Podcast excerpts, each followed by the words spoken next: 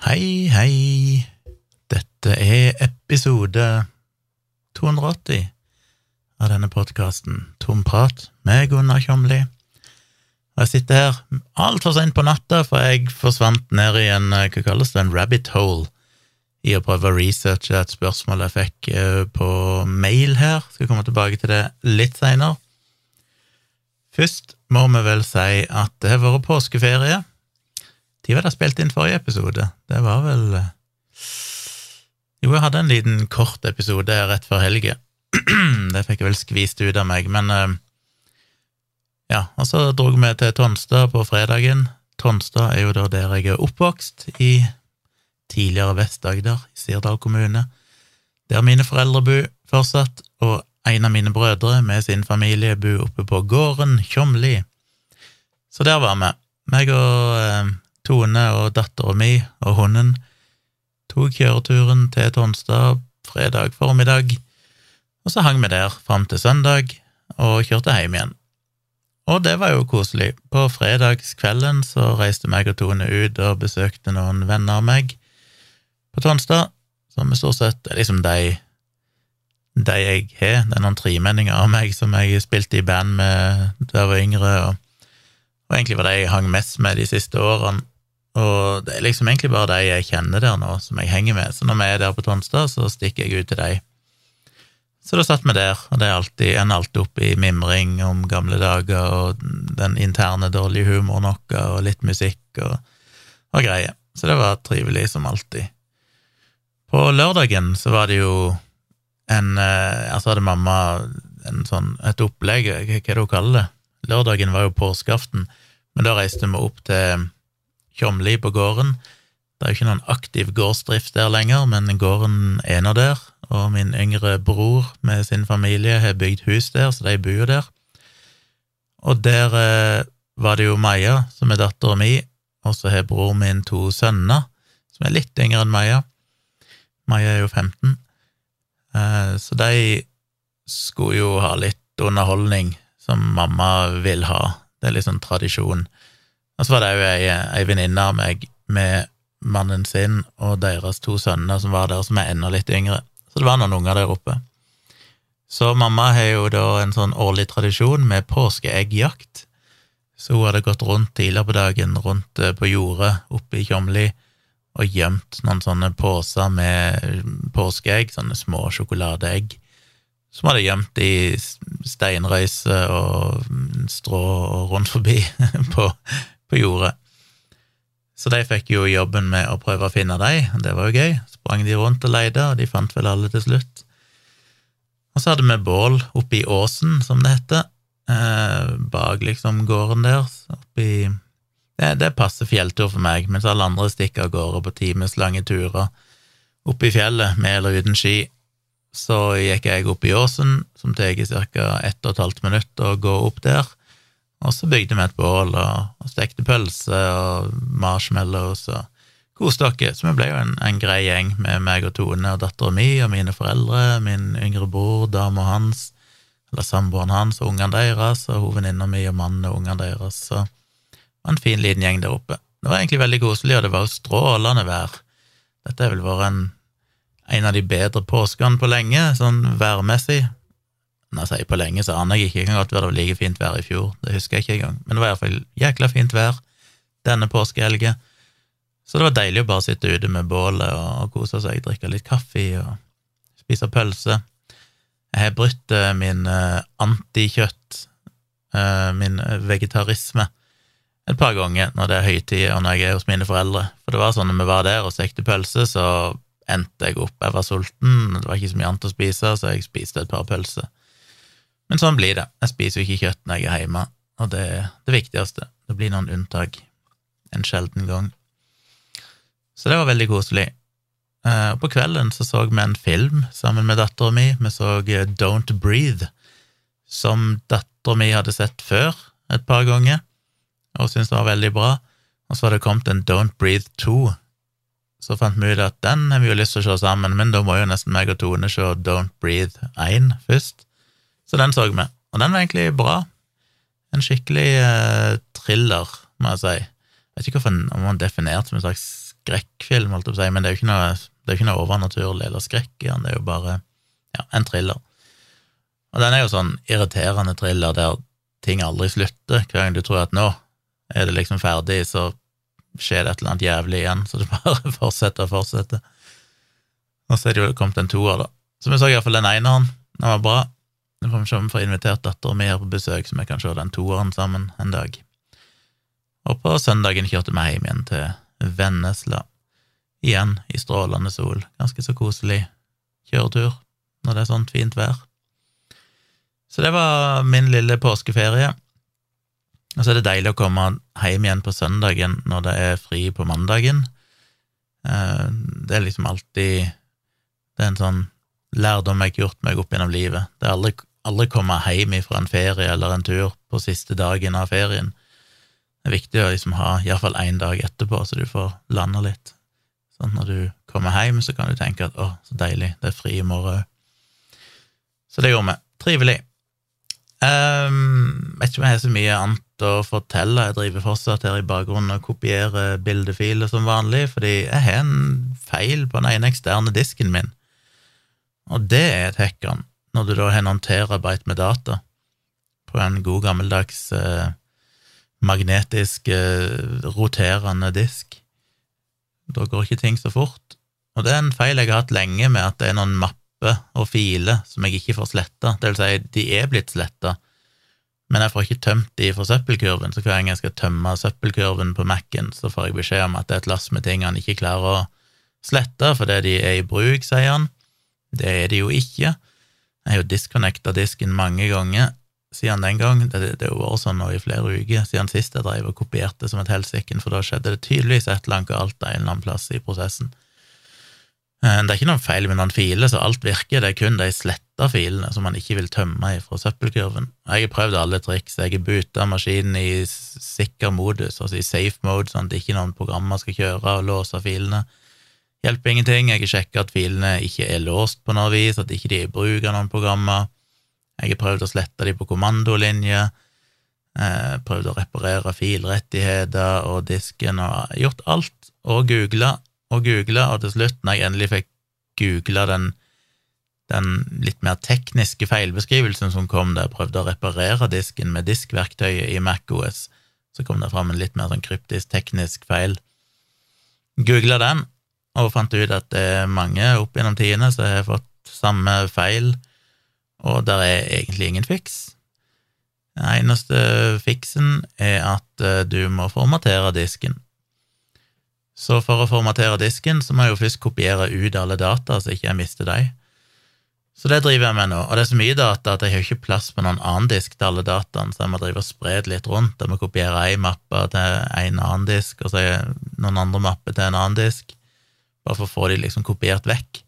Og så kan jeg formatere disken, og så kan jeg kopiere alt tilbake igjen i den strukturen det opprinnelig var i, og da håper jeg den feilen skal være vekke. Og det tar jo tid, det tar timevis å kopiere. Jeg har sittet i hele dag og bare venta på at han driver og kopierer og kopierer.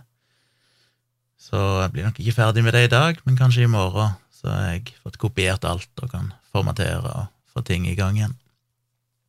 Jeg skal snakke om eh, noen eh, ting som jeg har fått melding om. Um, ja, den første tenkte jeg å nevne, var bare noe som dukket opp på Twitter, og det var um, en ny studie i USA som hadde funnet at ca. én av ti amerikanske leger, og da er det vel uh, Skal vi se, hva er det definert som? Jeg søke i PCP Det er Primary Care Physicians.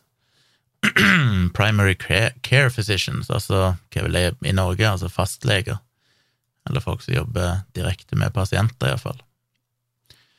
Um, de var da ikke så fornøyd med vaksiner, og de konkrete tallene de var at 10,1% av de 625 legene som ble spurt, var ikke enige i at vaksiner var trygge. Og dette er ikke bare snakk om covid-vaksiner, dette er snakk om vaksiner generelt sett. 9,3% var ikke enig i at vaksiner var effektive, og 8,3% var ikke enige i at vaksiner var viktige. Men sånn rundt 10 da mente at uh, vaksiner verken var trygge eller effektive. Og det har overraska mange. Uh, David Gorski har jo skrevet en grundig drøfting av denne studien inne på sciencebasedmedicine.org, skal lenke til den i shownotes, der han drøfter litt og går litt mer inn i detaljene i studien. Men det er jo deprimerende Uh, han er jo litt sånn, han er litt overrasket over at folk er så sjokkert, for han, jo, han og andre, Steven Novella og co. på Science Based Medicine, har jo skrevet om dette i mange år, at uh, det, det, er sjokkerende mange leger som er kritiske, og det har vi jo sett nå igjen under pandemien, og jeg har jo uttrykt min eh, sjokk og gru og frustrasjon rundt det i de siste par årene, dette med at det er jo en del fagpersoner, leger, blant annet, som er ute og sprer vaksine-desinformasjon. Og det er deprimerende. Det viktige å huske likevel er jo selvfølgelig at 90% er for vaksiner. Så det, vi har jo en sånn psykologisk tendens å tenke at hvis det er et lite mindretall, så føles det som at det er dem vi må høre på. Det er det som er problemet med under pandemien og sånn, at hvis det er én ekspert som mener et eller annet som er totalt i strid med alt annet, så føles det som at det er den personen vi må høre på. For vi har en idé om denne her underdogen alltid har rett. Så det er lett å til og med få et skeptisk sinn når du ser sånn 10% så tenker du for sånn ah, da må det jo kanskje de, de har et poeng. Men jeg må alltid huske på at tross alt, 90% er jo overbevist om det motsatte, da, eller at vaksiner er trygge og effektive og viktige.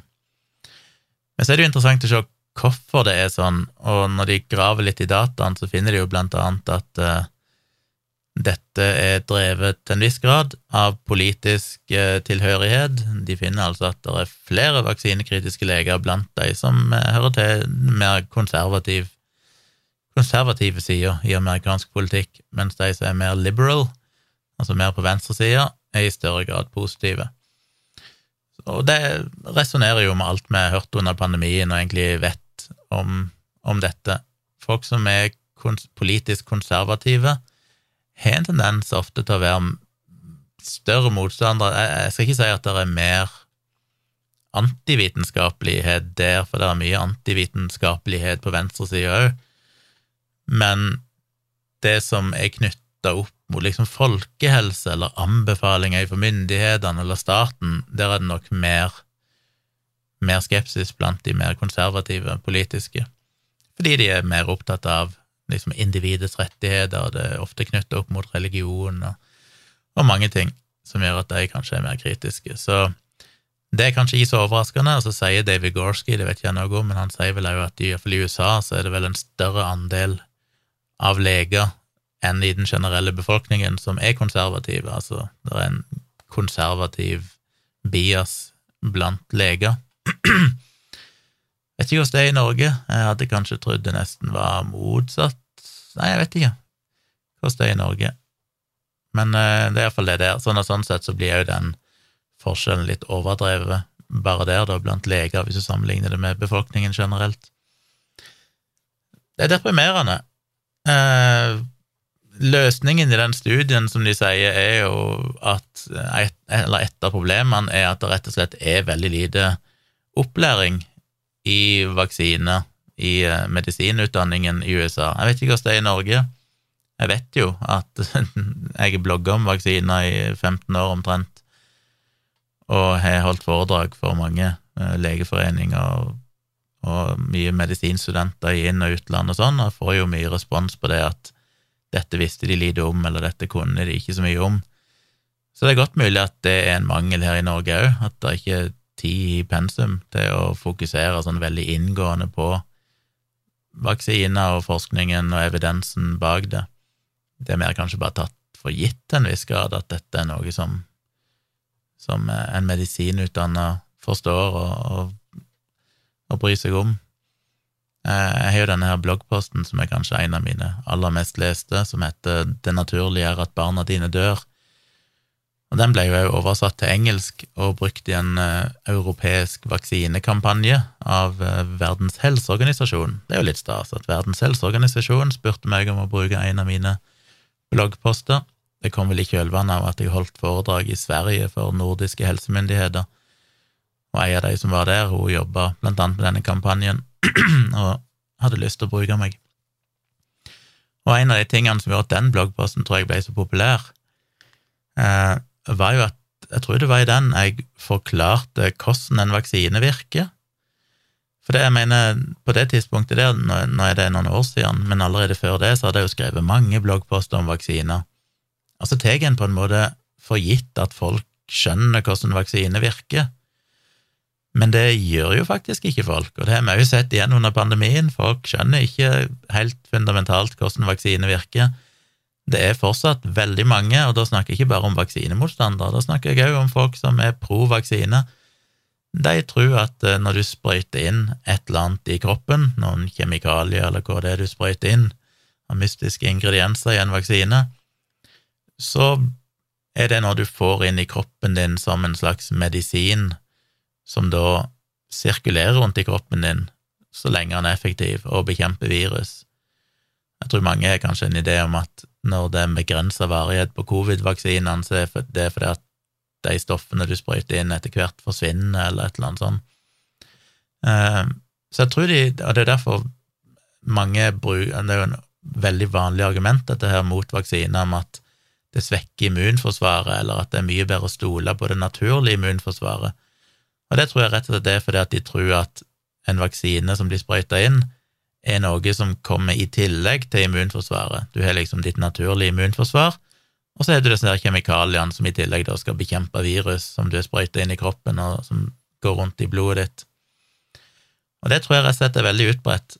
Så jeg forklarte jo den bloggposten bare sånn i enkeltspråk at du sprøyter inn eh, noen stoffer, primært et antigen, altså fragmenter av et virus eller et helt virus, et svekka virus, et dødt virus, av og til levende svekka bakterier eller virus, eh, viruspartikler i mRNA-vaksinene så er det jo bare mRNA-molekyler.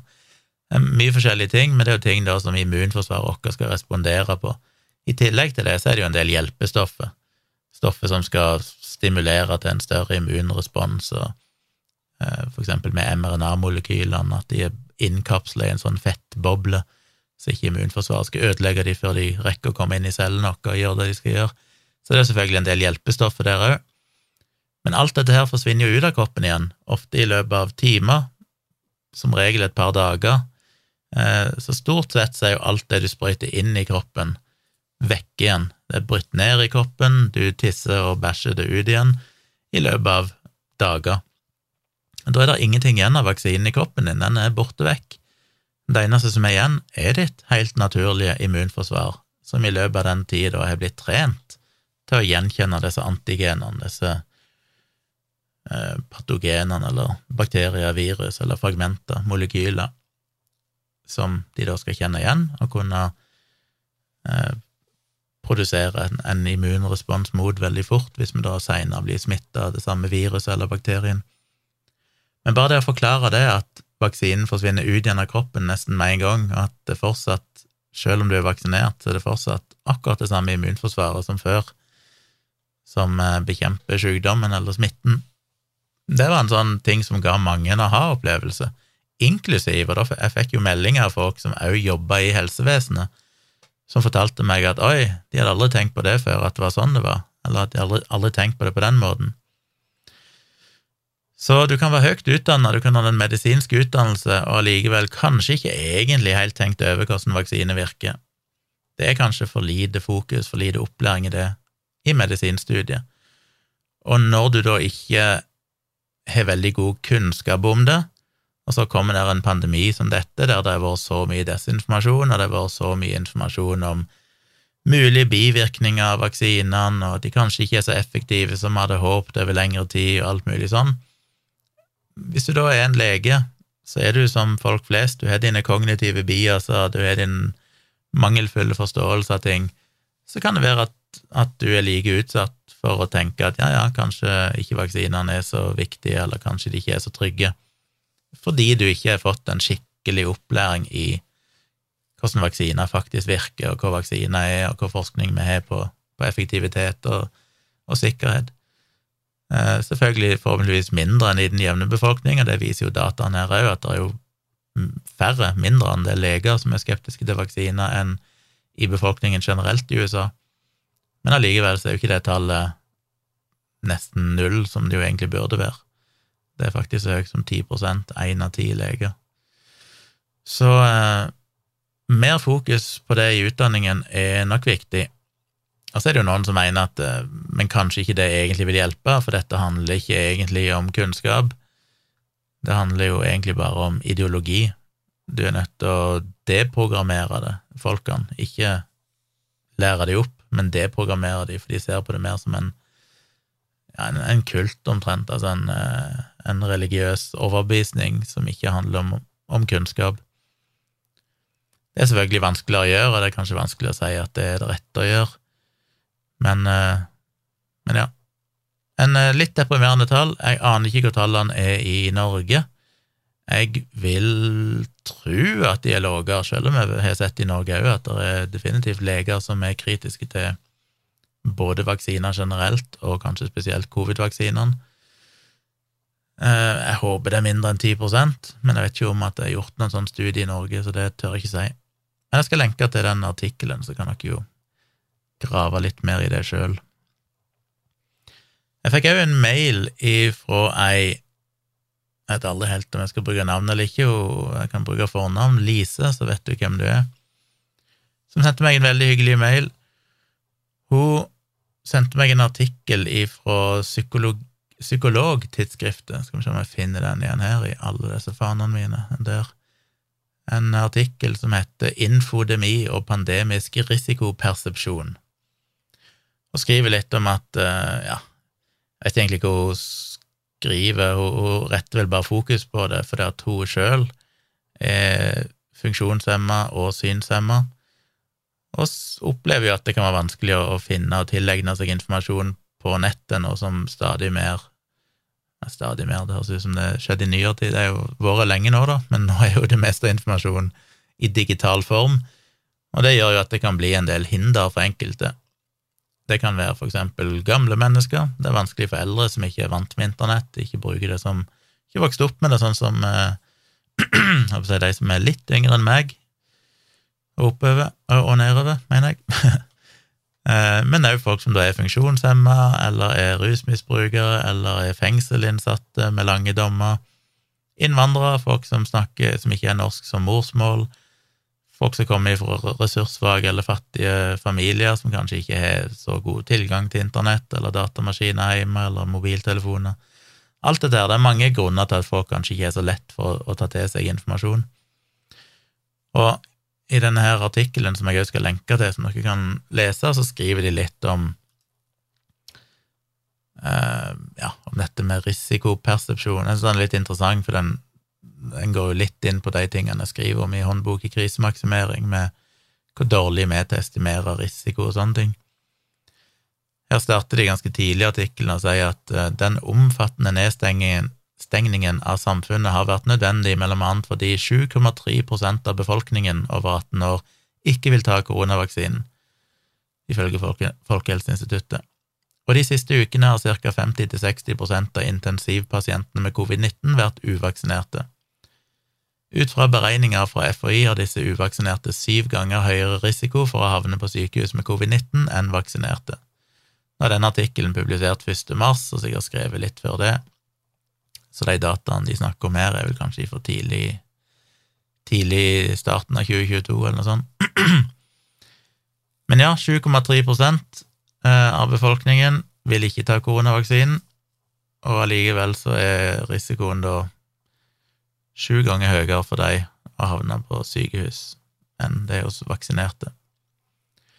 Så sier de litt om det med risikopersepsjon, altså hva vi oppfatter som trygt eller utrygt og det at vi har en tendens til å tenke at uh, vi sjøl er tryggere enn det andre rundt dere er. De skriver videre her en av grunnene til dette kan være et vanlig kognitivt bias, det Charot omtaler som en optimisme-bias, der man blant annet har lettere for å undervurdere egen risiko sammenlignet med andres. For eksempel fant Wise et al. at rundt 8,5% av respondentene i en tverrsnittsstudie på beskyttende atferd viste liten endring i atferd under de første ukene av pandemien, at de opplevde sannsynligheten for å bli smittet som lav, og ikke minst viste liten interesse for å tilegne seg informasjon om viruset.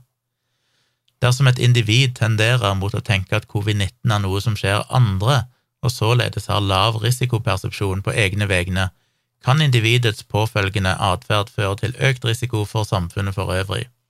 Under pandemien kan dette manifestere seg ved at de som tar vaksinen, reduserer egen og andres helserisiko, mens de som ikke tar vaksinen, bidrar til å, både, til å øke både egen og andres helserisiko. Og så viser de til at både Verdens helseorganisasjon og UNESCO har pekt på at digital kompetanse er et av flere element som kan påvirke holdninger og risikopersepsjon til de uvaksinerte under en pandemi. Og det er jo blant annet fordi det har vært det de kaller for en infodemi, det har vært så sinnssykt mye informasjon, der det er fryktelig mye feilinformasjon der ute. Eh, de skriver jo ja, Verdens helseorganisasjon, altså WHO, da, har sett en stadig eskalering og kaller det infodemi, altså en overflod av informasjon under, pan under pandemier, hvor noe av denne er kunnskapsbasert, mens mye er feilaktig informasjon. Hun beskriver dette som en egen drivkraft under pandemien, og Kuan Balthazar et al. hevder at denne infodemien sprer seg raskere enn selve viruset. Viser til en studie utført i 2020 som fant at mer enn en fjerdedel av de mest populære covid-19-videoene på YouTube inneholdt desinformasjon. Uh, ja, jeg vet ikke om det er så mye mer å ta ut av det, men de går videre da med å skrive at uh, når man stadig blir eksponert for enorme mengder koronainformasjon som kan endre seg fra en dag til annen, blir selvregulering en særlig viktig del av den digitale kompetansen. Man kan rett og slett bli kognitivt overlesset av koronainformasjon. For eksempel fant McMullen et al. i sin metaanalyse en moderat sammenheng mellom helseangst og søking etter helseinformasjon på internett og sosiale medier. Det er også funnet en sterk sammenheng mellom helseangst og cyberhypokondri. Cyberhypokondri er et selvforsterkende klinisk fenomen der søk etter medisinsk informasjon fører til økt angst for egen helse, noe som igjen leder til nye søk for å dempe denne angsten. Så dette er jo ting vi for så vidt vet og skjønner. uh, Og jeg har jo snakka om det i en egen podkastepisode. Jeg skrev vel en bloggpost om det, forresten, dette her med hvorfor det å spre feilinformasjon rundt covid, blant annet, hadde negative effekter med at det førte til økt helseangst hos folk. Så det er jo jeg òg skrevet om for noen måneder siden. Det som er interessant med denne artikkelen, er jo kanskje hva gjør vi med det? Og det vel det denne artikkelen egentlig anbefaler å vise til andre studier da, som har anbefalt det samme, og det er jo at helsemyndighetene nok i større grad må forstå dette fenomenet og forstå at dette er noe de må ta på alvor. Eh, de viser en eller annen plass i teksten her til at eh, helsemyndighetene i Norge, Folkehelseinstituttet og sånn, de lagde jo litt informasjonsvideoer om covid-19, men de fikk jo ikke særlig store seertall på YouTube. Eh, det kan være mange forklaringer til det, men det er nok kanskje feil måte å gjøre det på. Og jeg syns jo dette er interessant, for dette er jo noe som jeg har snakka om i alle år, og jeg har holdt foredrag og hatt møter med Folkehelseinstituttet og Legeforeningen og forskjellige eh, eh, aktører. Og det er jo dette her med at jeg går ofte og viser til den der eh, Hva var det, i 2010 eller noe sånt? Jeg skrev den første sånn skikkelig lange bloggposten min om vaksiner. Jeg hadde skrevet om vaksiner før òg, litt mer sånn i forbifarten, men, men dette var den, den, store, lange, det som er blitt omtalt som tidenes lengste bloggpost, som var på 100 000 tegn, som jo tilsvarer 50 sider i ei vanlig bok, sånn i snitt. En superlang bloggpost. Der tok for meg en sånn antivaksinetekst som trakk fram tonnevis av argumenter mot vaksiner, så tenkte jeg ja, ja, dette er jo perfekt. Jeg tok det for meg hver eneste påstand og debunka det i en bloggpost.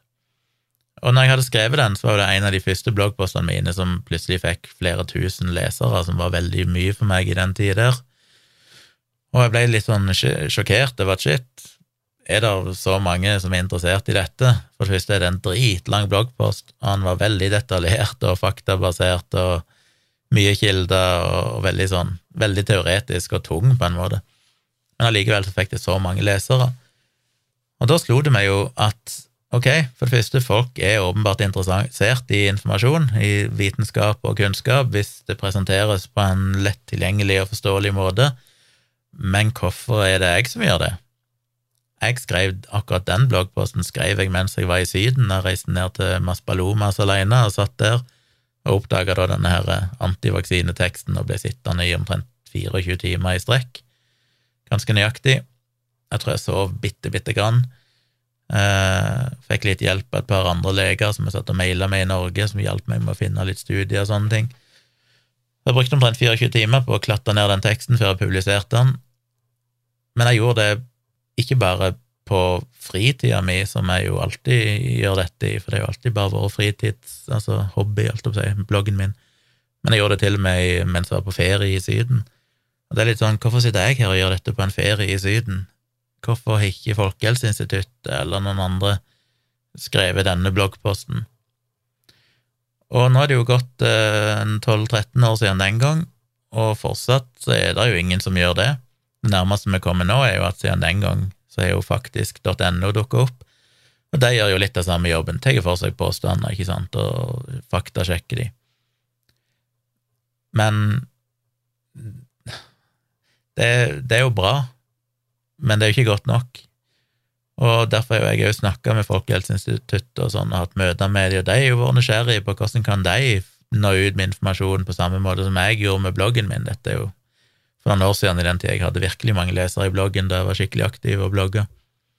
Men de ønska jo å nå ut. Husker en av tingene de trakk fram, det var for eksempel eh, å anbefale russen å ta meningokokk-vaksinen, altså vaksine mot hjernehinnebetennelse. Hvordan skulle de nå ut med det budskapet, for det sleit de med og ville ha litt tips.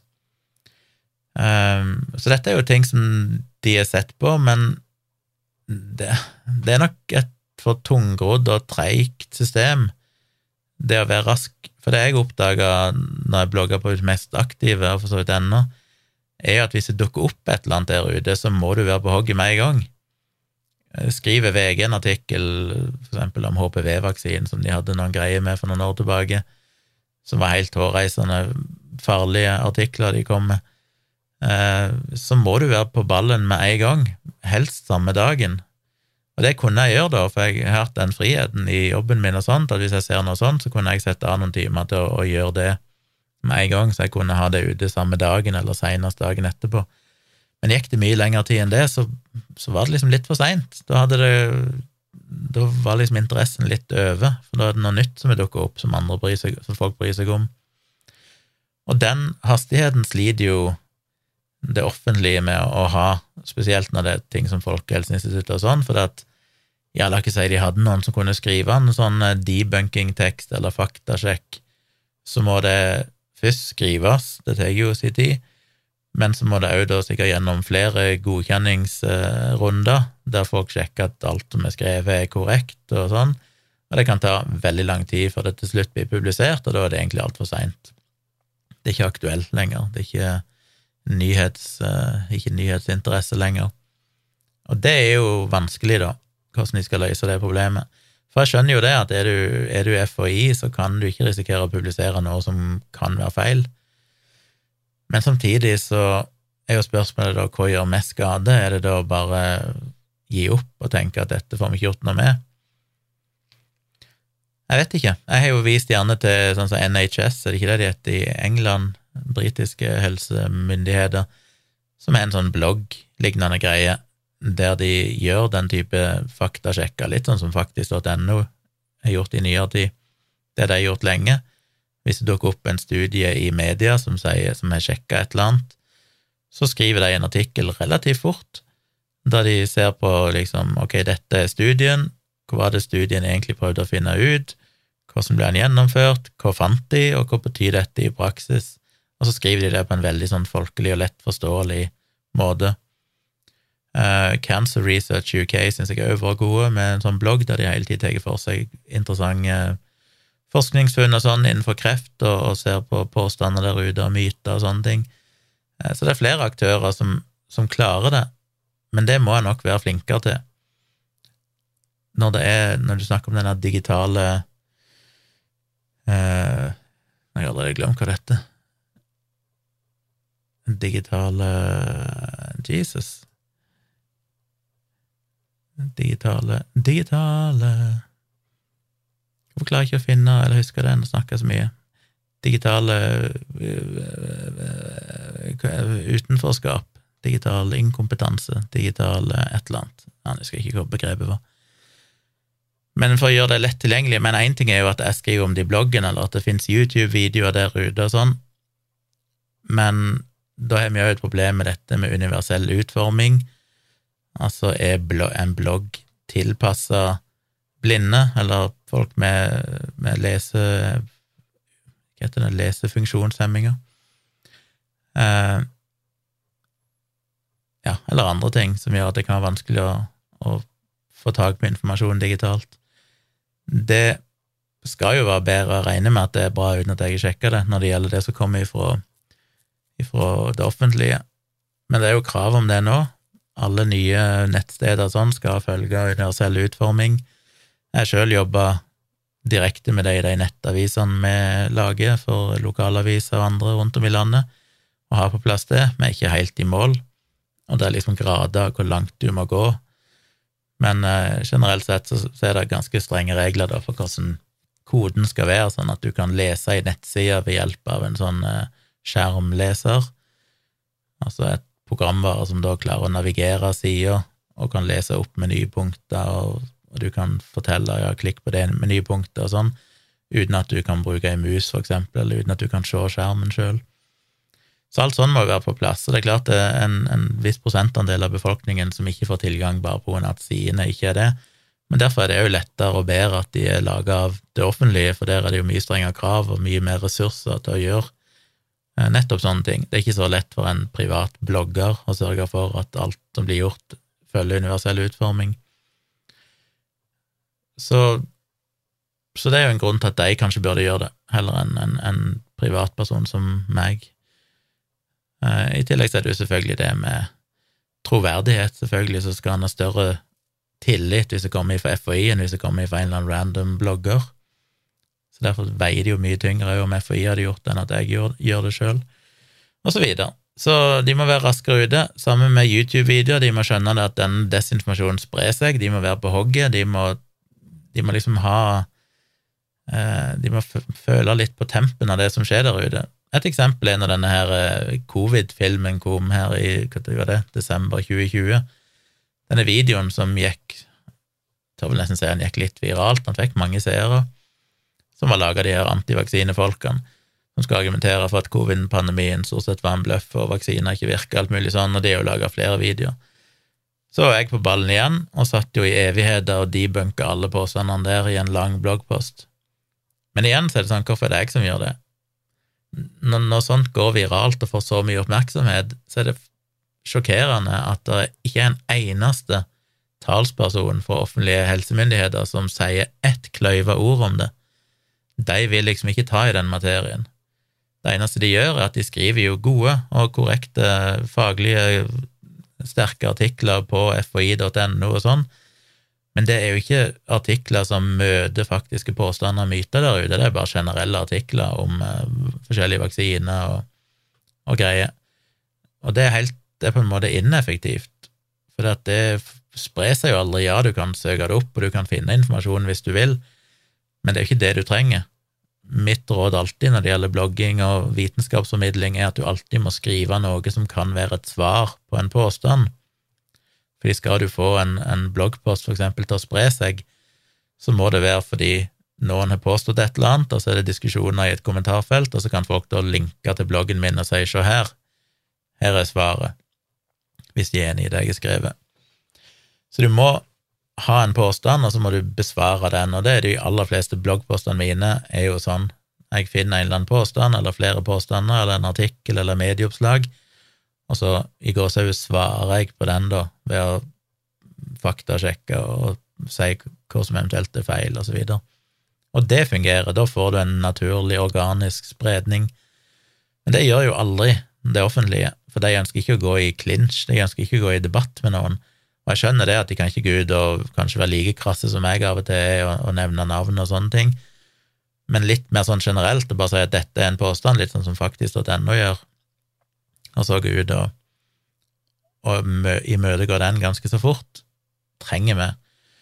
Og det er jo det de konkluderer med, at uh, i forberedelsen til fremtidige pandemier og sånn, de skriver jo man må derfor ha en kriseberedskap som tar mer høyde for at digitaliseringen forutsetter at borgere håndterer og navigerer i en stadig mer multimedial, kompleks hverdag, der de må forholde seg til et mylder av sosiale medier og digitale plattformer.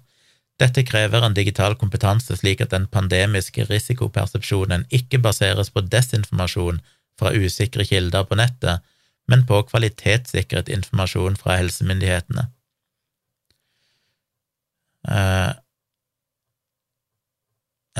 så de må rett og slett være en del av kriseberedskapen før en fremtidig pandemi eller annen helsekrise. At de faktisk ikke bare snakker om sykehus og vaksiner og sånne ting, at det skal være kriseberedskap på det, men at de òg må ha rett og slett en kriseberedskap på å håndtere informasjon. Det er jo nesten så de burde ansatt eh, folk som meg og andre som brenner for dette, og som i stor grad har fulgt disse miljøene lenge og kjenner argumentene og, og sånn. Vi burde jo vært ansatt til å sitte og bombardere nettet med, med faktasjekkinger fortløpende på vegne av FHI og andre neste gang. Men i mangel av det, så det er jo kanskje det viktigste de kan gjøre i en, i en sånn krise. Det er jo rett og slett å, å være rusta til å ta den der digitale informasjonskampen som de i veldig liten grad har klart å gjort nå, og som da fører til, dessverre, vaksinemotstand og, og helseangst rundt forbi. Ja, nei, en interessant artikkel. Dere får lese den. Jeg lenker til den i shownotes. Um, som en liten side note så skriver jeg Lise at uh, siden hun Jeg snakker om det med at jeg tok Mensa-testen, IQ-testen, til Mensa Norge, så lurer hun litt på at uh, hvordan kan blinde folk eller synshemma folk ta en sånn test, og går det i det hele tatt an? Fordi disse testene, iallfall den Det finnes jo flere typer IQ-tester, men den vanlige som Mensa Norge bruker, den er jo bare i figurer, så den forutsetter jo egentlig at du kan se. Og det var et godt spørsmål, så jeg måtte jo sjekke litt, og jeg vet ikke om jeg helt kom fram til en konklusjon. Jeg fant ei nettside som sier at det finnes egentlig ganske mange forskjellige IQ-tester for folk med, med svekka syn, eller som er blinde, som er basert på mye forskjellig. Det kan være alt ifra at de er mer verbale, at du kan høre lyd, eller at du bruker hendene dine til å gjenkjenne figurer og sånn, litt sånn blinde eh, skrift, eller hva den heter. Eh, ja, det er mange forskjellige type tester som er utforma for å, å, teste intelligens hos blinde. Men så er det vel litt usikkerhet, eller litt diskusjon om hvor gode de testene er, om de er om de egentlig oppfyller den, om de kan sammenlignes direkte med en vanlig IQ-test. Det vet jeg ikke helt. Jeg vet rett ikke nok om det, og jeg hadde ikke tid til å sitte i timevis og prøve å finne ut av det, men skal jeg få lenke til ei side jeg fant, som lister opp en hel haug med forskjellige tester som har blitt utvikla nettopp for å teste IQ hos uh, synshemma på forskjellige måter. Så det fins, tydeligvis. Men det er klart, de kan ikke ta akkurat den samme testen som uh, Men jeg mener, dette er jo den Mensa Norge-testen er jo bare én type test. Det fins jo andre IQ-tester som i mye større grad baserer seg på Som ikke bare baserer seg på figurer, som òg baserer seg på å ja, koble sammen, assosiere ord og, og litt mer talloppgaver og sånn. Og det kan jo selvfølgelig en, en synshemma utføre på samme måte. Så må de kanskje endre litt på tids, hvor lang tid du har og sånn. De må vel prøve å finne måter der de kan sørge for at det blir eh, sammenlignbart. Kanskje det tar lengre tid enn hvis du kan lese det sjøl, hvis du må høre at det blir opplest og Jeg vet ikke, men det er nok mulig å få til på en eller annen vis. Det er jo blant annet òg blitt brukt eh, Jeg tror den viktigste grunnen til at de har jobba en del med dette med å teste både IQ og kognitive evner hos blinde, det er jo gjerne hos barn, da, for å se om folk som er født med forskjellige funksjonshemminger, da, som kan inkludere at de ikke ser godt, eller ikke ser i det hele tatt, og sjekke om de da er kognitivt svekka eller har en eller annen eh, mental eh, utviklingshemming på noen selvs måte. Så der har det blitt jobba en del med det. Men det er jo et morsomt spørsmål. Jeg skal lenke til en artikkel om akkurat det. Men så over til hovedtemaet i dag, fordi jeg nevnte jo det i forrige podkast fort, at jeg hadde en livestream forrige tirsdag der et av spørsmålene var om incest burde forbli ulovlig. Og når jeg får spørsmål på livestream, så eh, må jeg jo bare svare stort sett på sparket. Og da kan jeg si feil.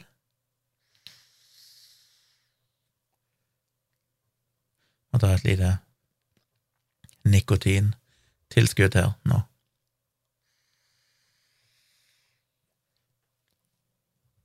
mens jeg tenkte. Eh, så jeg sa noen ting jeg hadde vagt i minnet. For dere som har fulgt meg lenge så, og fulgt dialogisk, så vet dere kanskje at eh, i en av de tidlige episodene av Dialogisk så hadde vi tema incest, og hadde med oss Ole Martin Moen, filosofen, uh, som gjest. Og det mener vi jo fortsatt det er kanskje en av mest interessante episoder. Men den dukka jo aldri opp, og rett, grunnen til det var jo rett og slett at moderne media hadde nettopp ansatt en fyr som skulle være tekniker, så han satt i studio med oss og spilte inn på datamaskinen denne episoden. Så skjedde det et eller annet som ikke jeg vet om, for det er vel en eh, personalsak, men han øh, eh, jobba plutselig ikke der lenger noen dager seinere, og hadde tatt med seg Han hadde visst brukt sin egen laptop når han spilte inn dette, og den tok han med seg, og de fikk aldri det opptaket tilbake igjen, så det opptaket bare forsvant. Så det er mulig det finnes en person der ute som har den episoden. Hvis du hører på, vær så snill å sende den til meg.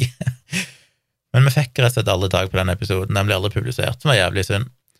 Men i den anledning husker jeg jeg researcha litt rundt dette her, og så prøvde jeg å huske noe av det når jeg plutselig nå, sånn tre år seinere, ble spurt på, nei, på livestreamen, og så så tror jeg ikke jeg sa noe direkte feil, jeg sa noe feil først, men så korrigerte jeg vel meg sjøl etterpå. Eh, men det jeg snakket om, var jo hvorfor er incest ulovlig, og da snakker vi om incest eh, hos voksne eh, over 18 år. Bør det være ulovlig? Det er jo litt diffus hva som regnes som incest. Noen vil regne eksempel søskenbarn som har seksuelle relasjoner som incest, mens mange mener at det bør egentlig ikke falle under kategorien incest. Søskenbarnekteskap er jo lovlig i Norge, ellers er det nettopp blitt ulovlig. Det skal jo bli ulovlig, det er vel vedtatt at det nå ikke skal være lovlig lenger. Jeg er bare litt usikker på om den loven har tredd i kraft eller ikke.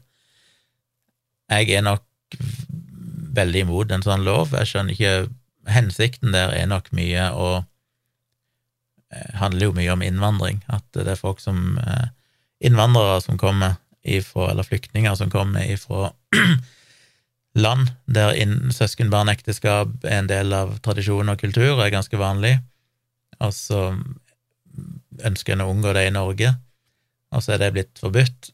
Et argument er kanskje òg risiko for genetiske defekter hos barn. Det skal jeg komme litt tilbake til. Men generelt sett er det vanskelig å se at det bør være ulovlig, men det er noe, sånn sett en annen diskusjon.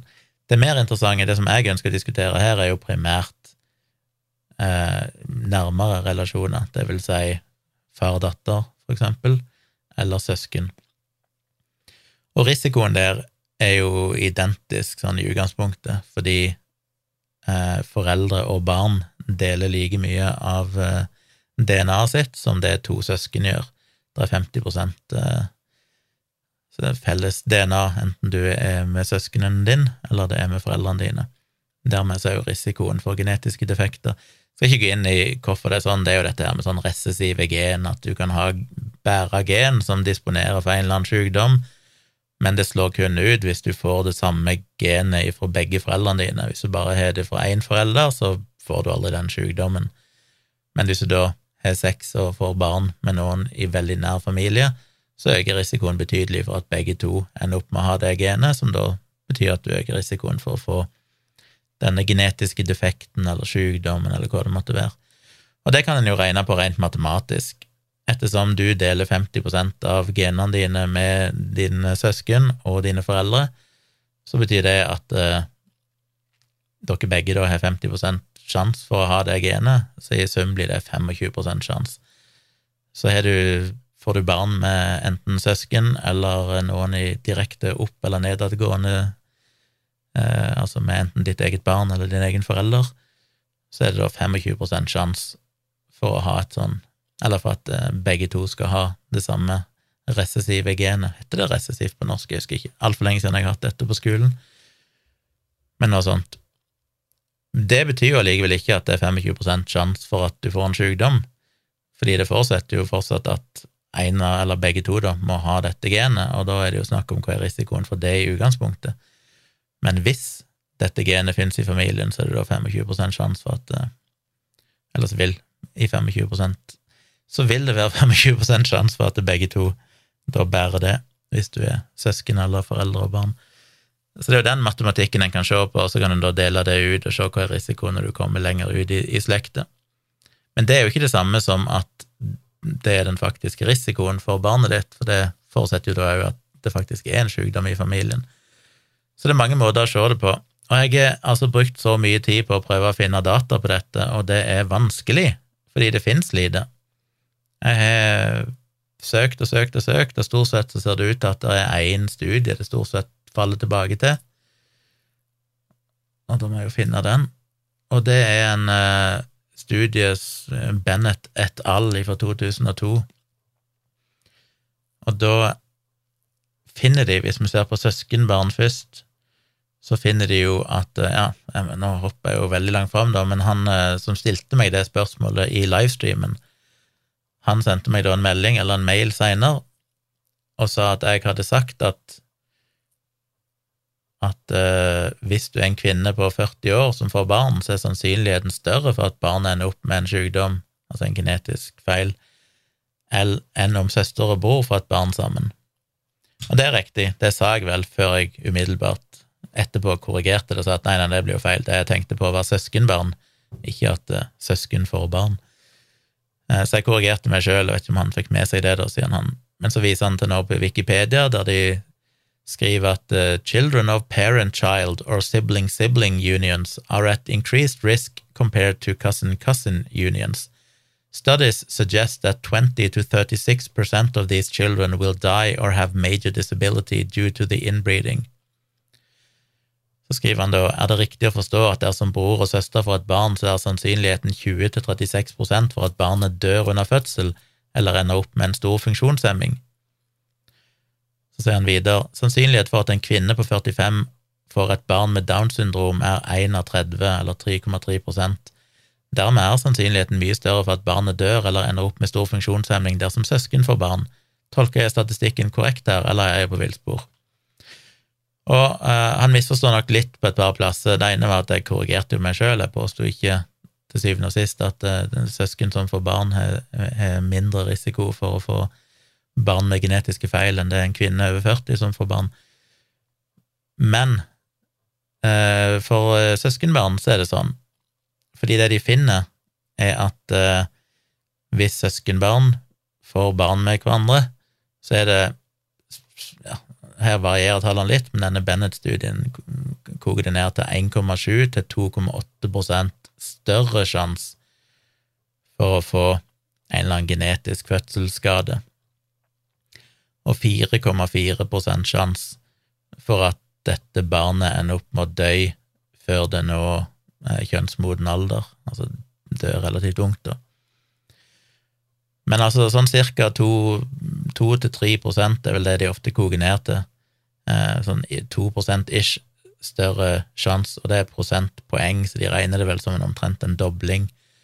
Men i utgangspunktet så er det sånn at eh, risikoen blir regna for å være en 2-3 hos vanlige hvis du har sex med en tilfeldig person som du ikke vet at du er i slekt med, eh, og får barn, så vil ca. 2-3% av disse ende opp med en eller annen form for fødselsskade eller kognitiv eh, feil Nei, kognitiv eh, defekt Nei, det er feil begrep. Men iallfall en eller annen sykdom eller fødselsskade. Så her snakker vi om at det kan kanskje være 2%, 2 prosentpoeng flere som får det hvis du barn, får barn med et søskenbarn. Så det betyr jo fortsatt at kanskje 95-96% av disse barna vil bli født helt friske. Så en regner jo generelt sett med at det er ikke noe argument for å forby at søskenbarn har barn med hverandre. Spesielt da, hvis du da sammenligner med eldre kvinner, for eksempel. Fordi når du ikke er med over 45 eh, alder 45, så er det da, som han sier, ca. 3,3% sjanse for å føde et barn med Downs syndrom. Men det er jo kun Downs syndrom, i tillegg så er det jo andre genetiske eh, skader. Og det kom nettopp en ny norsk studie, hvis jeg finner den. Eh, jeg vet ikke om han er norsk, men han er basert på norske data, som ikke er så veldig gammel, som har sett på dette, og de analyserte på en litt annen måte ved å bruke eh, søsken for å sammenligne søsken som er født på forskjellige tidspunkter, og sammenligne det over mange søskenpar for å se sammenligne da risikoen med å bli født med en eller annen fødselsdefekt, avhengig av at foreldrene da ble eldre og eldre. Og da finner de jo et høyere tall enn det som var antatt tidligere, så det regner de jo med at eh, Skal vi finner igjen de grafene her. Det å få en eller annen genetisk fødselsdefekt som handler om rett og slett en utviklingsskade, som kan være alt ifra veldig alvorlige funksjonshemminger til for eksempel eh, hva heter det, nese-ganespalte, eller hareskår, som jeg kalte det før i tida, eller sammenvokste tær, eller ting som ikke nødvendigvis er direkte et stort problem, men fortsatt er en, en, en fødselsskade. Det kan være så høyt som ja, en uh, 6 så vidt jeg kan lese denne grafen, hvis du er i alderen 45 til 50. Hvis mora er i alderen 45 til 50. Så det øker ganske kraftig idet du, i det du passerer 45 år. Så du har det, da, i tillegg til risikoen for Downs syndrom, som er på cirka, litt over 3 Dødeligheten for barnet øker òg en god del når du passerer 45 Um, ja. Så de tallene er høye, det vil si at de er sannsynligvis høyere enn ved å ha, få barn med søskenbarn. Så hvis en skal forby søskenbarn å ha sex, så må en jo forby kvinner over 45 år å ha sex fordi de kan bli gravide, og eh, det vil vi jo ikke ha noe av. Nå er jo den, den norske loven handler jo om ekteskap, den er vel ikke retta mot sex, så det er jo en viktig påpekning. Men når det gjelder incest generelt, så handler det jo om å ha sex, og ikke bare å ha sex, men å faktisk ha samleie. For i Norge er det ulovlig for uh, foreldre og barn å ha samleie med hverandre, det, og søsken, men det er noen sånne interessante, interessante unntak. Fordi det viktigste argumentet fra tidligere av for at skulle være ulovlig, var jo dette med genetiske defekter. Men som vi ser, så er jo ikke det nødvendigvis helt reelt. Når vi snakker om eh, søsken eller foreldre-barn som får barn, så skriver jo han som sendte meg den mailen, han sier jo at han, sånn han tolker den Wikipediaen, så er det 20-36% risiko for at barnet enten dør under fødsel eller ender opp med en stor funksjonshemming. Det er en feiltolking. Det det er snakk om der, er en økning i risiko ikke en absolutt risiko. Og da snakker vi jo igjen om ganske små effekter, for hvis risikoen i utgangspunktet er 2-3% hos vanlige folk som får barn med hverandre, og risikoen øker med 20-30% så er det fortsatt en relativt liten risiko totalt sett. Så generelt sett så er det jo mye større sjanse for at du får et barn som er helt friskt, enn at du ender opp med et barn som har en funksjonshemming, hvis du skulle få barn med noen i veldig nær familie.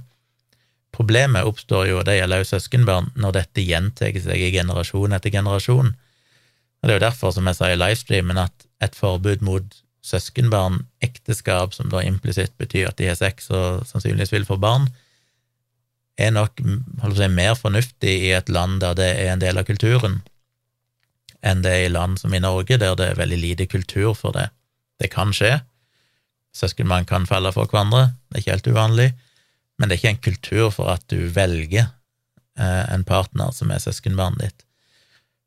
Så problemet oppstår jo først når dette skjer over flere generasjoner, to søskenbarn som for første gang har sex med hverandre og får barn, så er, det forsvinnende liten risiko. Men hvis det gjentar seg da at ungene deres igjen òg over tid har, sex med sine søskenbarn og får barn, så øker risikoen gradvis. Så det er et større problem. Når det gjelder foreldre og barn som får barn med hverandre, og, søsken, så er det samme der. Det er en vesentlig høyere risiko der enn det er hos, eh, hos eh, søskenbarn som har sex med hverandre og får barn, men den er fortsatt relativt liten og øker etter hvert da, som, eh, som eh, det skulle skje gang på gang, og det er jo liten risiko for at det skjer gang på gang. Det vil være veldig spesielt. Denne økningen på 20-36% og igjen, det er forvirrende, for det er så, noen plasser skriver de som om at det er en absolutt tall, andre plasser skriver de som at det er en, en relativ økning. Jeg har sett én plass at de konkluderte med at den faktiske risikoen kanskje var så høy som 9% for å få en, en, eh, en eller annen genetisk eh, skade hvis da foreldre og barn får barn med hverandre, eller søsken har det. Men så er det igjen, hva er det definert som? 9 inkluderer jo alt mulig, og mye av det er jo ikke spesielt problematisk. Det er ikke sånn at 9 eh, får en alvorlig stor funksjonshemning. Så det er vanskelig å si, det er ingen som vet. Et annet problem med de dataene som alle påpeker, er jo det at en veldig stor andel av tilfellene der foreldre eh, ender opp med å få barn med sine egne barn, så er det foreldre som i utgangspunktet gjerne har en del kognitive svekkelser. De er kanskje ikke helt friske på mange områder, som kanskje er en, en forutsetning for at du ender opp med å få barn med ditt eget barn. Eh, det er òg mange andre faktorer som gjør det til en gruppe som ikke er spesielt representativ for befolkningen for øvrig, for eksempel òg at ofte så er da mødrene veldig unge. Det er kanskje en far som har sex med sin 13 år gamle datter som ender opp med å få barn, og da er òg risikoen høyere for at det kan være problemer med det barnet. Så det er mange faktorer som gjør at det er vanskelig å vite hva er den egentlige risikoen hvis du hadde folk som ellers var helt gjennomsnittlige i befolkningen som endte opp med å ha sex eh, i nær familie da for barn. Så derfor er nok risikoen, derfor er nok de skadeeffektene som blir trukket fram, er nok sannsynligvis høyere enn det som kanskje er den faktiske risikoen hvis du hadde sett på en, en vanlig, gjennomsnittlig person. Så det er vanskelig å si eh, akkurat det, men det jeg skulle tilbake igjen til, var jo disse unntakene fordi at hvis du sier at ok, genetisk risiko for genetiske defekter er en god grunn til at incest bør være ulovlig hos voksne, samtykkende parter, så er jo det litt rart da at for eksempel dette gjelder jo adoptivbarn, men der er det jo ikke noe risiko for genetisk defekt, for du er jo ikke det samme Du er jo ikke i slekt i utgangspunktet. Eh, så, men incest i adoptivforhold er straffbart, og grunnen til det er jo dette sannsynligvis med maktforhold. Og det er selvfølgelig forståelig, spesielt hvis du snakker om et barn som er under 18 år, og da selvfølgelig over 16 år, for hvis det er under 16 år, så er det jo i tillegg eh, ulovlig av den grunn. Men eh, hvis en da en, en, far har sex med sitt barn som er 17, som sånn teknisk sett er lovlig å ha sex med hvis det hadde vært noen andre, så er det ulovlig fortsatt fordi det blir sett på som veldig skeivt maktforhold. Og det kan en forstå, det er problematisk. Men så er det ikke noen øvre grense for dette, da. Så hvis faren da på et eller annet tidspunkt er 60, og dattera er 40, hva er egentlig Altså, når skal han si at det er et problem? Er det et større problem der enn hvis det er en annen 60-åring som er sex med en 20-åring? Det er jo helt lovlig. Kan en ikke si at maktubalansen er minst like stor der? Eller en 60-åring med mye penger, eller som har en eh, høy politisk rolle, som er i Stortinget, eh, som da har en 18-åring som som eh, faller for deg, eller blir nysgjerrig for deg, eller er pirra av tanken på det, kanskje.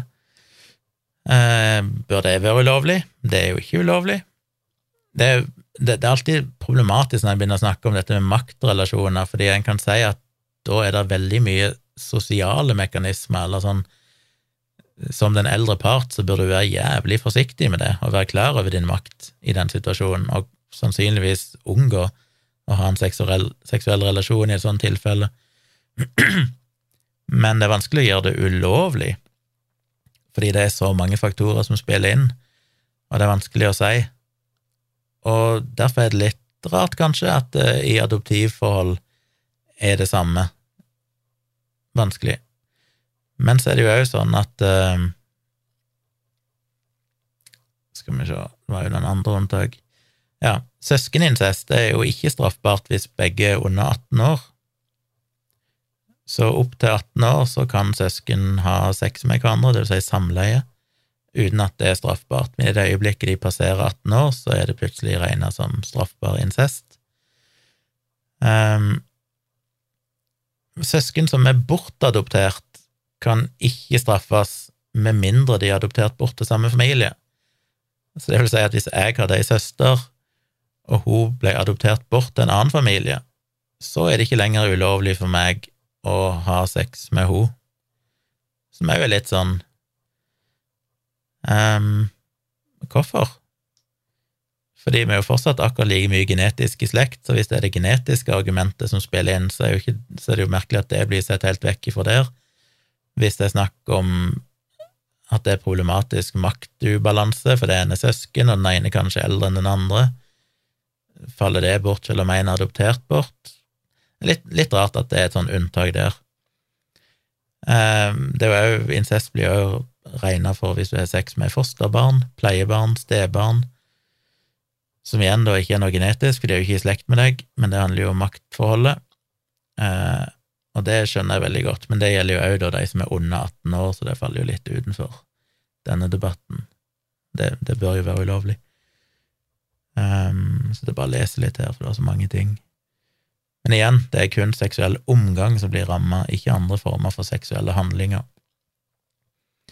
Og så var det en interessant greie at hvis jeg hadde data ei dame, eller var kjæreste med ei dame som hadde en datter så er det helt lovlig for meg å ha sex med dattera hennes, sjøl om vi bor sammen, sjøl om vi har vært samboere i 15 år og jeg kanskje er en slags farsfigur for den dattera, så har jeg fortsatt lov å ha sex med henne, men ikke hvis jeg gifter meg med henne, altså med dama mi. I det øyeblikket vi gifter oss, så kan ikke jeg lenger ha sex med dattera hennes. da blir det regna som en test. Og igjen en merkelig, en merkelig greie her i lovverket. Um, hva mer var det? Um, mm, mm, mm. Ja, det var vel det. Men så er jo kanskje det viktigste argumentet som jeg syns er rart når det gjelder med genetiske defekter, det er jo det for det første at det er jo ikke ulovlig for veldig gamle folk å ha sex, selv om risikoen for å få barn med genetiske defekter da øker betydelig, og nærmer seg nok det som en snakker om når det gjelder første generasjon søsken sex, eller eh, foreldre og barn. Eh, men i tillegg så er det jo folk da som faktisk har åpenbart genetiske feil. Folk som sjøl er født med en eller annen genetisk defekt, som da kanskje ikke er recessiv, men er dominant, som betyr at hvis du overfører det genet, så er det 50% sjanse for at barnet ditt får samme sykdom. Da snakker vi om 50% sjanse for at barnet ditt kan få en potensiell dødelig eller sterkt eh, invalidiserende sykdom. Der er det faktisk ikke ulovlig. Så hvis jeg hadde hatt Huntingtons disease, så kan jeg fortsatt få barn hvis jeg velger det sjøl, selv, selv om det er 50% sjanse for at barnet mitt får det.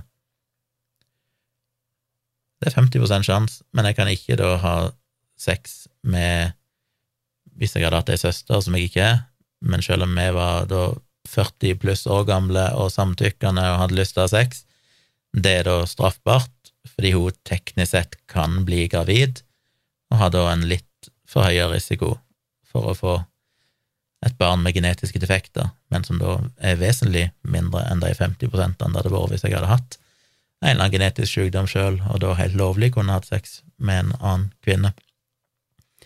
Så det, det er litt sånn rare greier. Um, så jeg, lurer litt Jeg jeg sliter jo Selvfølgelig, de fleste har et problem med incest av rent sånn moralske grunner, eller sånn De føler det er ekkelt, på en måte. Men det er jo ikke et argument som er relevant. Må vi ikke anta at voksne personer som velger å ha sex med hverandre, skal ha retten til å foreta det valget?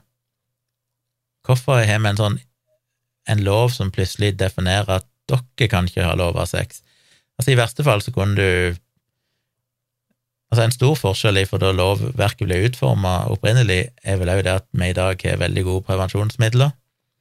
Eh, det er jo selvfølgelig et eh, merkelig greie da med at hvis det er det genetiske aspektet som er altså risikoen for genetiske defekter, så er det jo rart at ikke homofil sex skulle være lov. Hvis jeg ville ha sex med min egen bror som voksne etter 18 år, ja, det er jo lov før du er 18 år, da, men òg etter 18 år. Eh, hvorfor skulle det være ulovlig? Vi kan jo uansett ikke få barn med hverandre, så det argumentet der faller jo helt bort.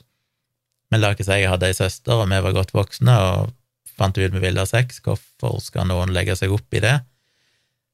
Eneste grunnen er jo, eller to grunner, det ene er at noen syns det er ekkelt, nei, det er tre grunner. Noen syns det er ekkelt, det er jo ikke et argument.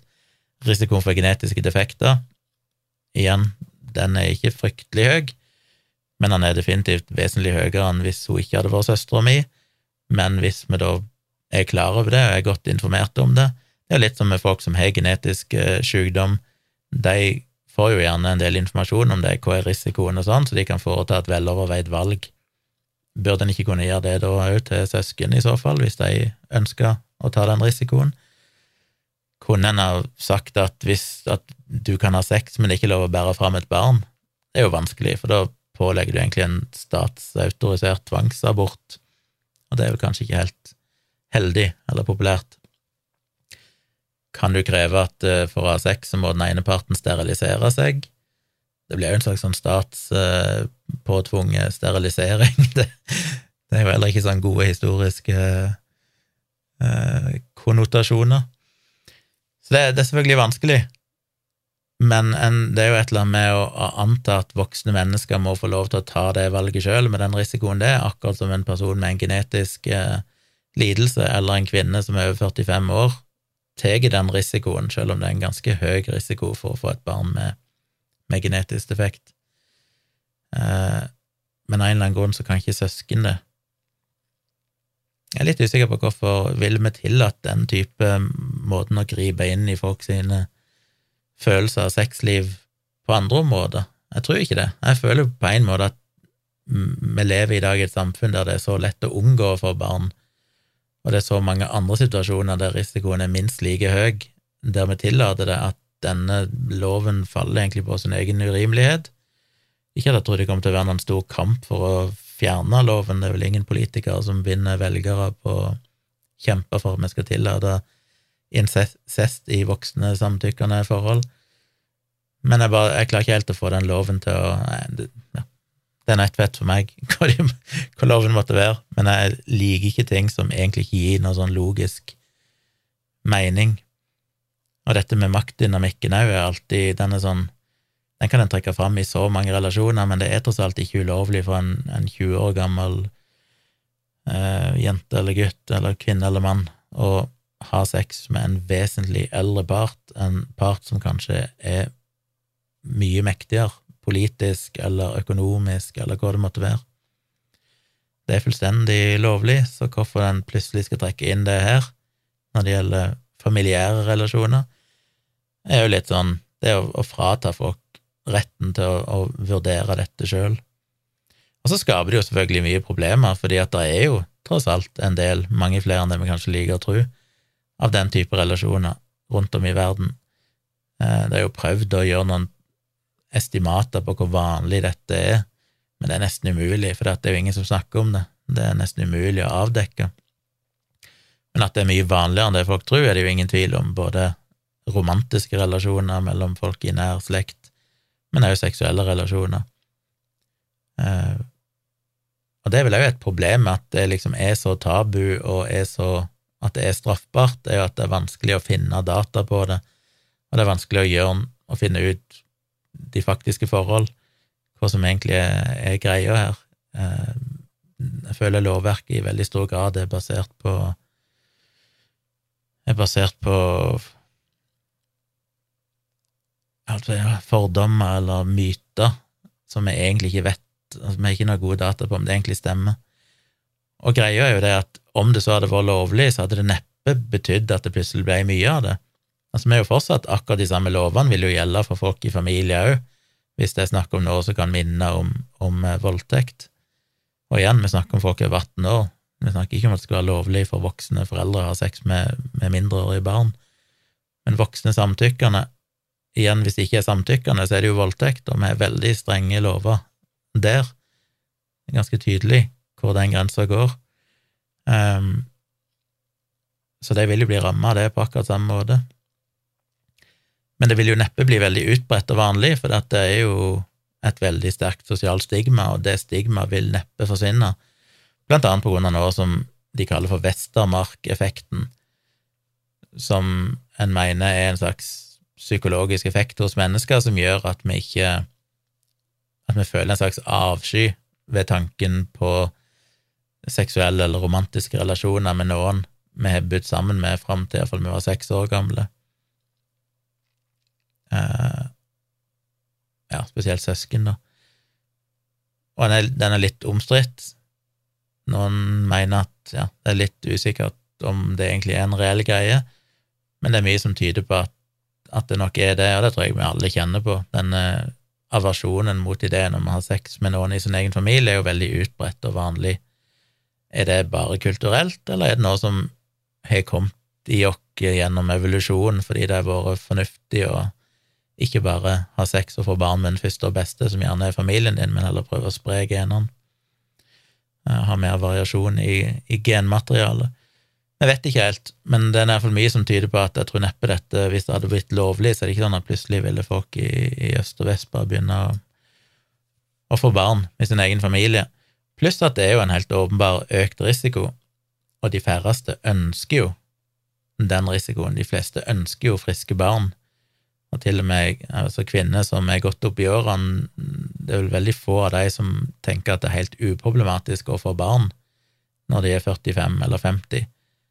De er jo klar over at dette er potensielt risikofylt, og det er mye som kan gjøres, både i samtaler, vurderinger i forkant og testing og sånn underveis i svangerskapet.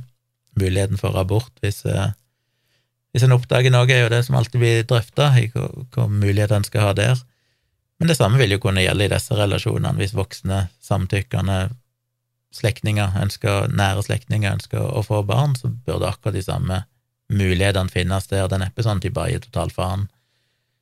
De vil nok gjøre mest mulig for å ikke få barn, mest sannsynlig, hvis det kun dreier seg om sex og ikke en faktisk romantisk relasjon. Men om det så skulle være snakk om at de faktisk vil ha barn, som nok er veldig, veldig sjeldent, så burde det være mulig å behandle de som voksne mennesker, og gi de gode råd, gi de informasjon og gjennomføre testing og alt dette her. Så jeg klarer ikke helt å, se at det skal være Jeg sliter med å argumentere for det lovverket sånn som det er i dag, selv om det neppe kommer til å endre seg.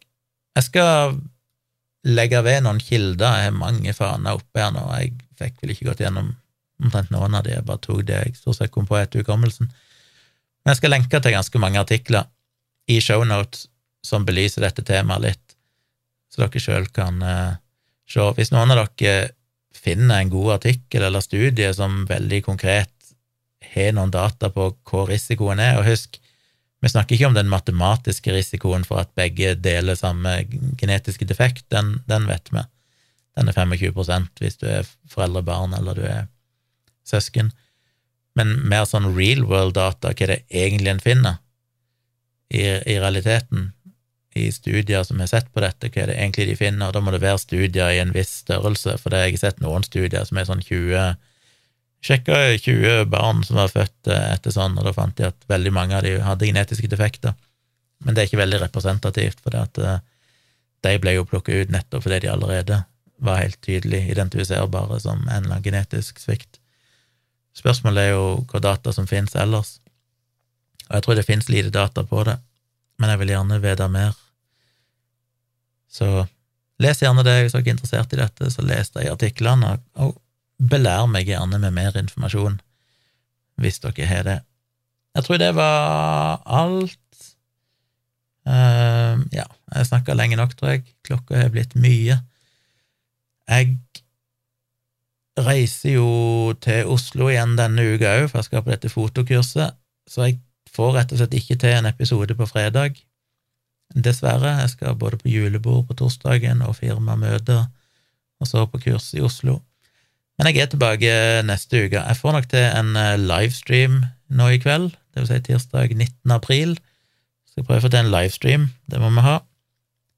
Og så eh, Ja, så ble det ikke noen episode av Virkelig grusomt heller, på grunn av påskeferie. Og så er vi jo vekke neste søndag når vi egentlig spiller den inn, så vi skal få spilt den inn før vi reiser til Oslo, så vi må spille den inn enten tirsdag eller onsdag og legge den klar til publisering. Men det kommer en virkelig grusomt neste mandag, selv om meg og Tone egentlig er vekkreist. Det skal vi få til. Eh, jeg vet det er noen som har hatt problemer med å bli patrions. Nei, jeg skal ikke ta det nå. Skal ikke gå gjennom det. Men veldig hyggelig om dere vil bli patrons på patrion.com slash tjomli. Hvis dere vil støtte arbeidet mitt, så setter jeg veldig, veldig pris på det. Um, om dere bare vil gjøre det symbolsk, eller om dere vil få noen ekstra ting. Dere får jo blant annet denne podkasten uten reklame, og en god stund før alle andre, hvis dere er inne på Patron. Um, I tillegg til at det ligger noen av mine videoforedrag og sånn der inne, og noen bonusepisoder av podkasten, og litt annet. Så eh, det finnes der der inne. Setter pris på det. Jeg må få runde av her nå. Kose meg over at det er blitt varmere i været. Det begynner virkelig å bli vår. Ferdig med påsken, hverdagen melder seg igjen. Gleder meg til fotokurs i helge. Er veldig takknemlig for at dere hører på og sender meg mail og er så snille. Så det er bra. Vi høres igjen snart. Ha det bra så lenge.